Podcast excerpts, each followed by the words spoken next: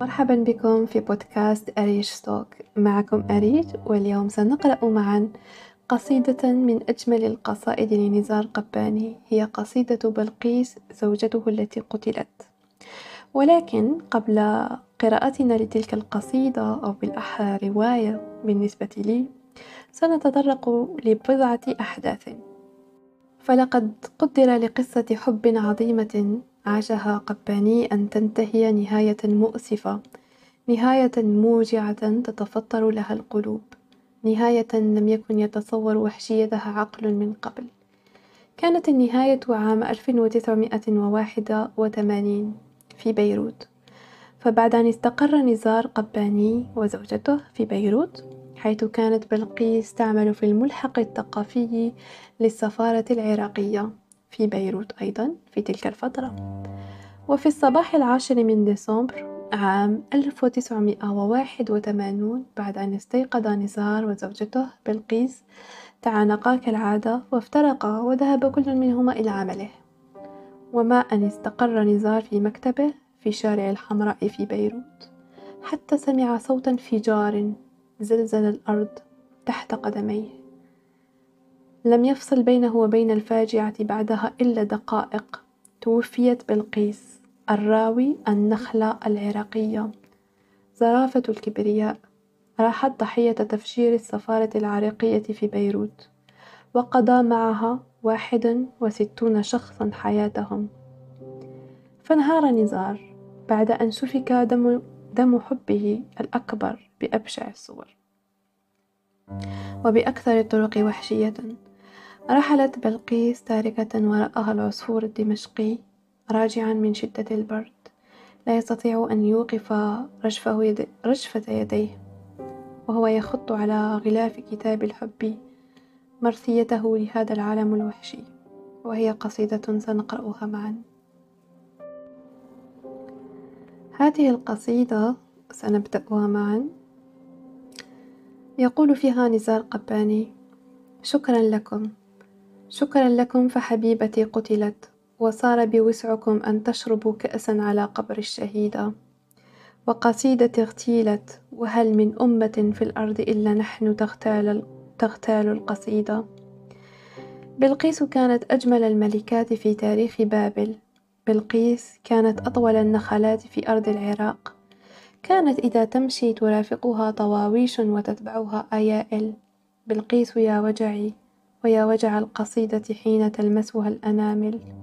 هل يا ترى من بعد شعرك سوف ترتفع السنابل؟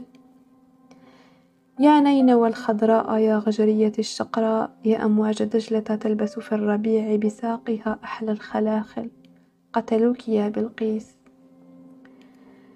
أية أمة عربية تلك التي تغتال أصوات البلابل؟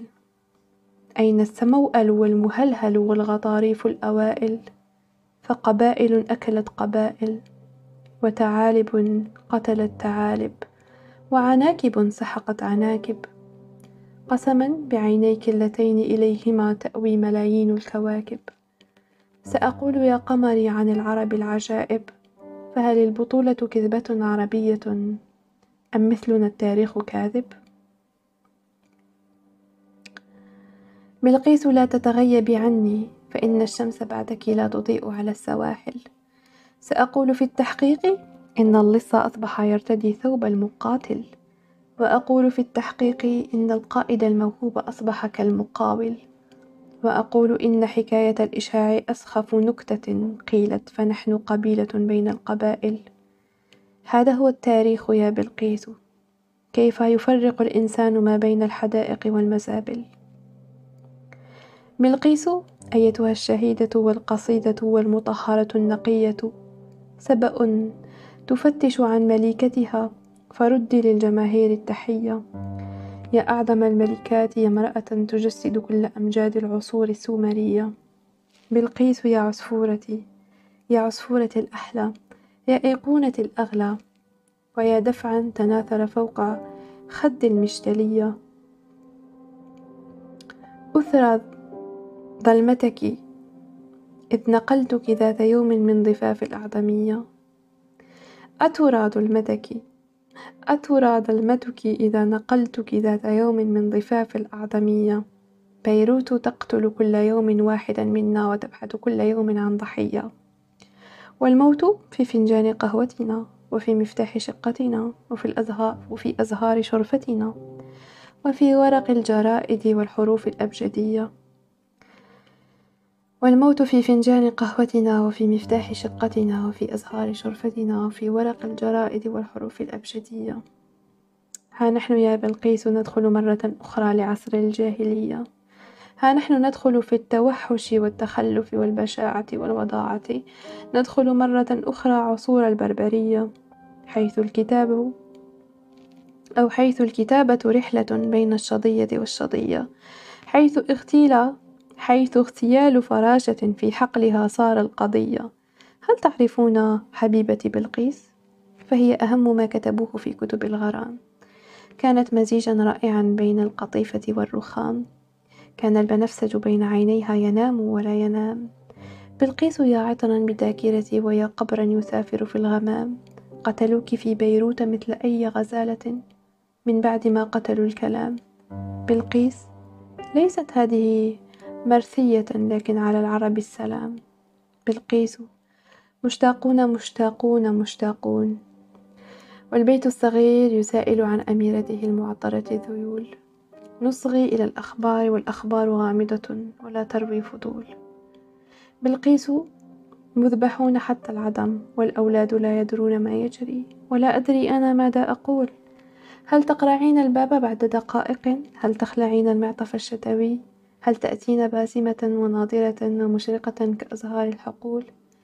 بلقيس إن ضروعك الخضراء ما زالت على الحيطان باكية ووجهك لم يزل متنقلا بين المرايا والستائر حتى سجارتك التي أشعلتها لم تنطفئ ودخانها ما زال يرفض أن يسافر.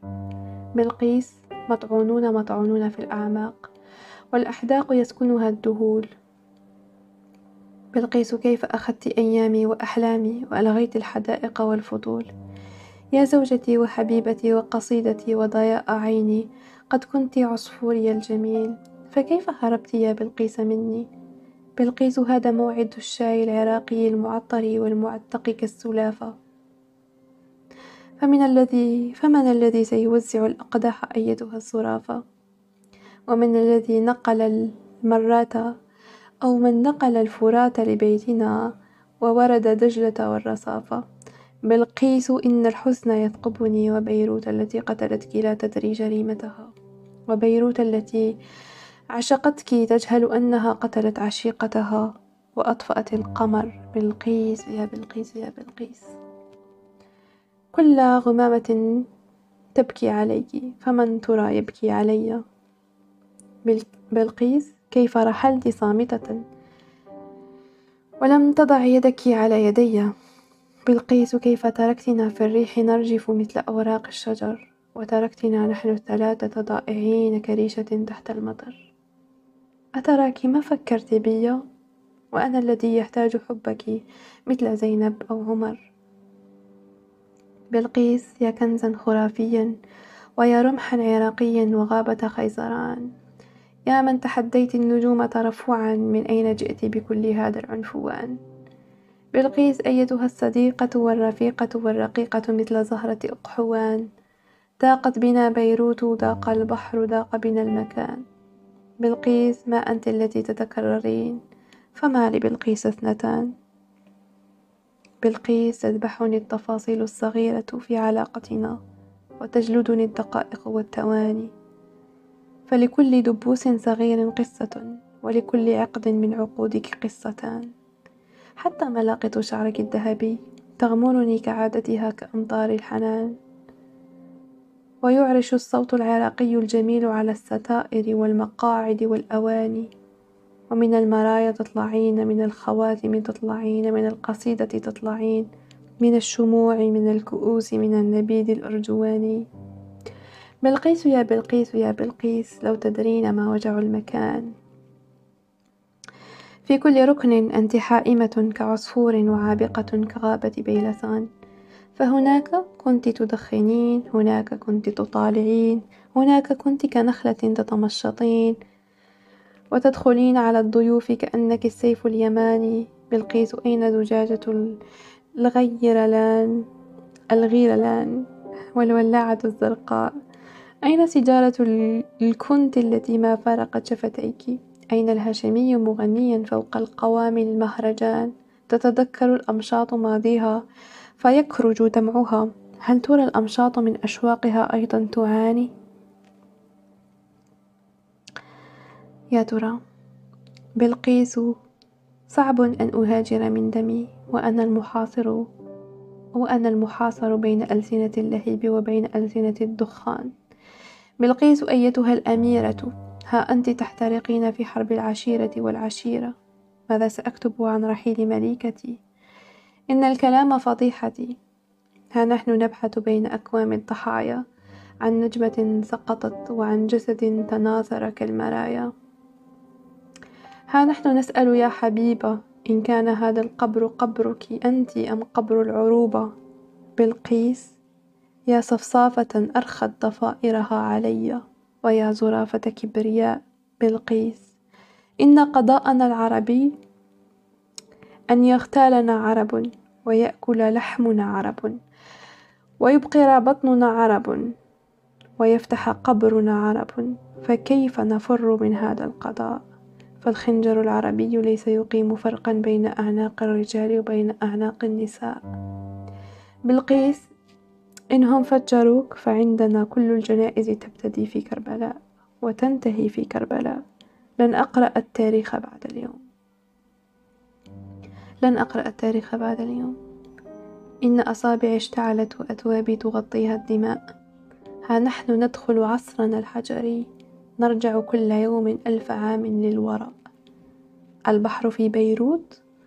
بعد رحيل عينيك استقال. والشعر يسأل عن قصيدته التي لم تكتمل كلماتها. ولا أحد يجيب على السؤال. الحزن يا بلقيس. يعصر مهجتي كالبرتقالة الآن أعرف مأزق الكلمات. أعرف ورطة اللغة المحالة وأنا الذي أخترع الرسائل. لست أدري كيف أبتدئ الرسالة. السيف يدخل لحم خاصرتي وخاصرة العبارة. كل الحضارة أنت يا بلقيس والأنثى حضارة. بلقيس أنت بشارة الكبرى فمن سرق البشارة. أنت الكتابة قبلها كانت كتابة. أنت الجزيرة والمنارة. بلقيس يا قمر الذي طمروه ما بين الحجارة. الآن ترتفع الستارة. الآن ترتفع الستارة. سأقول في التحقيق. سأقول في التحقيق إني أعرف الأسماء والأشياء والسجناء والشهداء والفقراء والمستضعفين. وأقول إني أعرف السياف قاتل زوجتي ووجوه كل المخبرين. وأقول إن عفافنا عهر وتقوانا قدارة وأقول إن نضالنا كذب وأن لا فرق ما بين السياسة والدعارة سأقول في التحقيق إني قد عرفت القاتلين وأقول إن زماننا العربي مختص بذبح الياسمين وبقتل كل الأنبياء وقتل كل المرسلين حتى العيون الخضر يأكلها العرب. حتى الضفائر والخواتم والأصابر والمرايا واللعاب. حتى النجوم تخاف من وطني ولا أدري السبب. حتى الطيور تفر من وطني ولا أدري السبب. حتى الكواكب والمراكب والسحب. حتى الدفاتر والكتب وجميع أشياء الجمال جميعها ضد العرب. لما تناثر جسمك الضوئي يا بلقيس لؤلؤة كريمة. فكرت هل قتل النساء هواية عربية أم أننا في الأصل محترفو جريمة؟ بلقيس يا فرس الجميلة إنني من كل تاريخ خجول. هذه بلاد يقتلون بها الخيول. هذه بلاد يقتلون بها الخيول.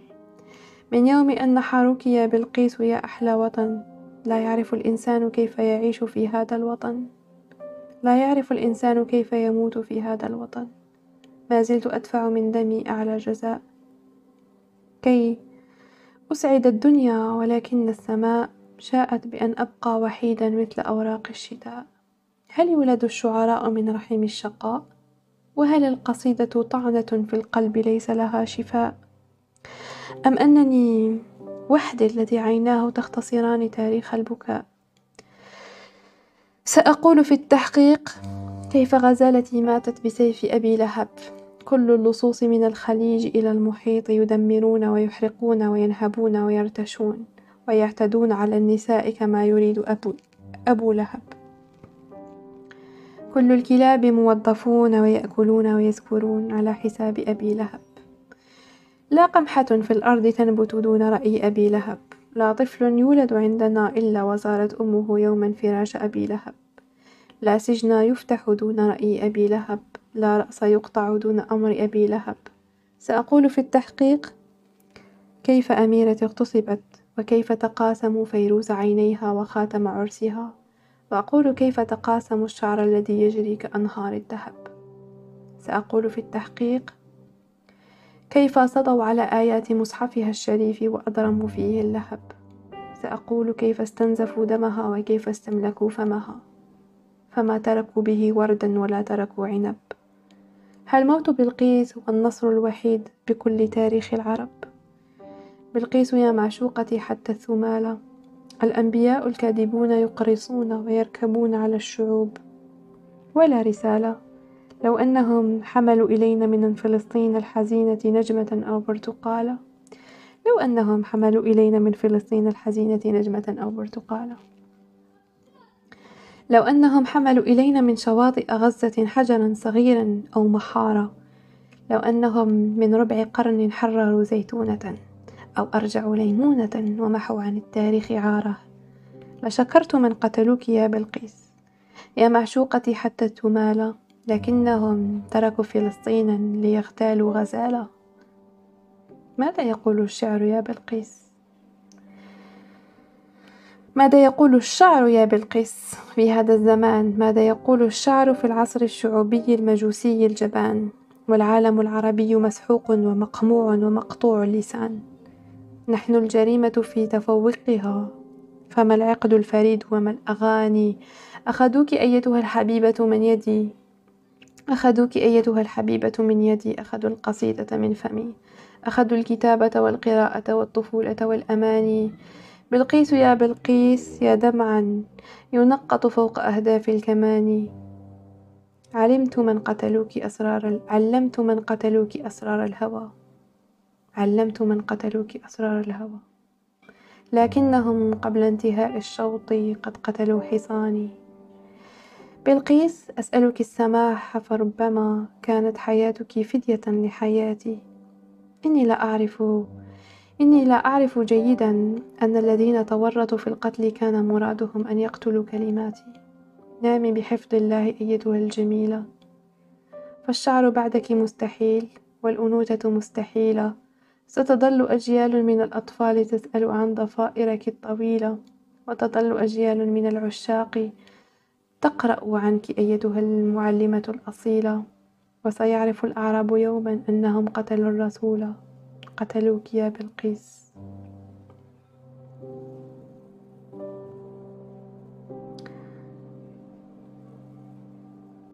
بعد مقتل زوجته بلقيس غادر نزار قباني لبنان وكان ينتقل ما بين البلدان حتى استقر في النهاية في لندن حيث قضى الخمسة عشر عاما الأخيرة من حياته واستمر بنشر دواوينه وقصائده المثيرة للجدل.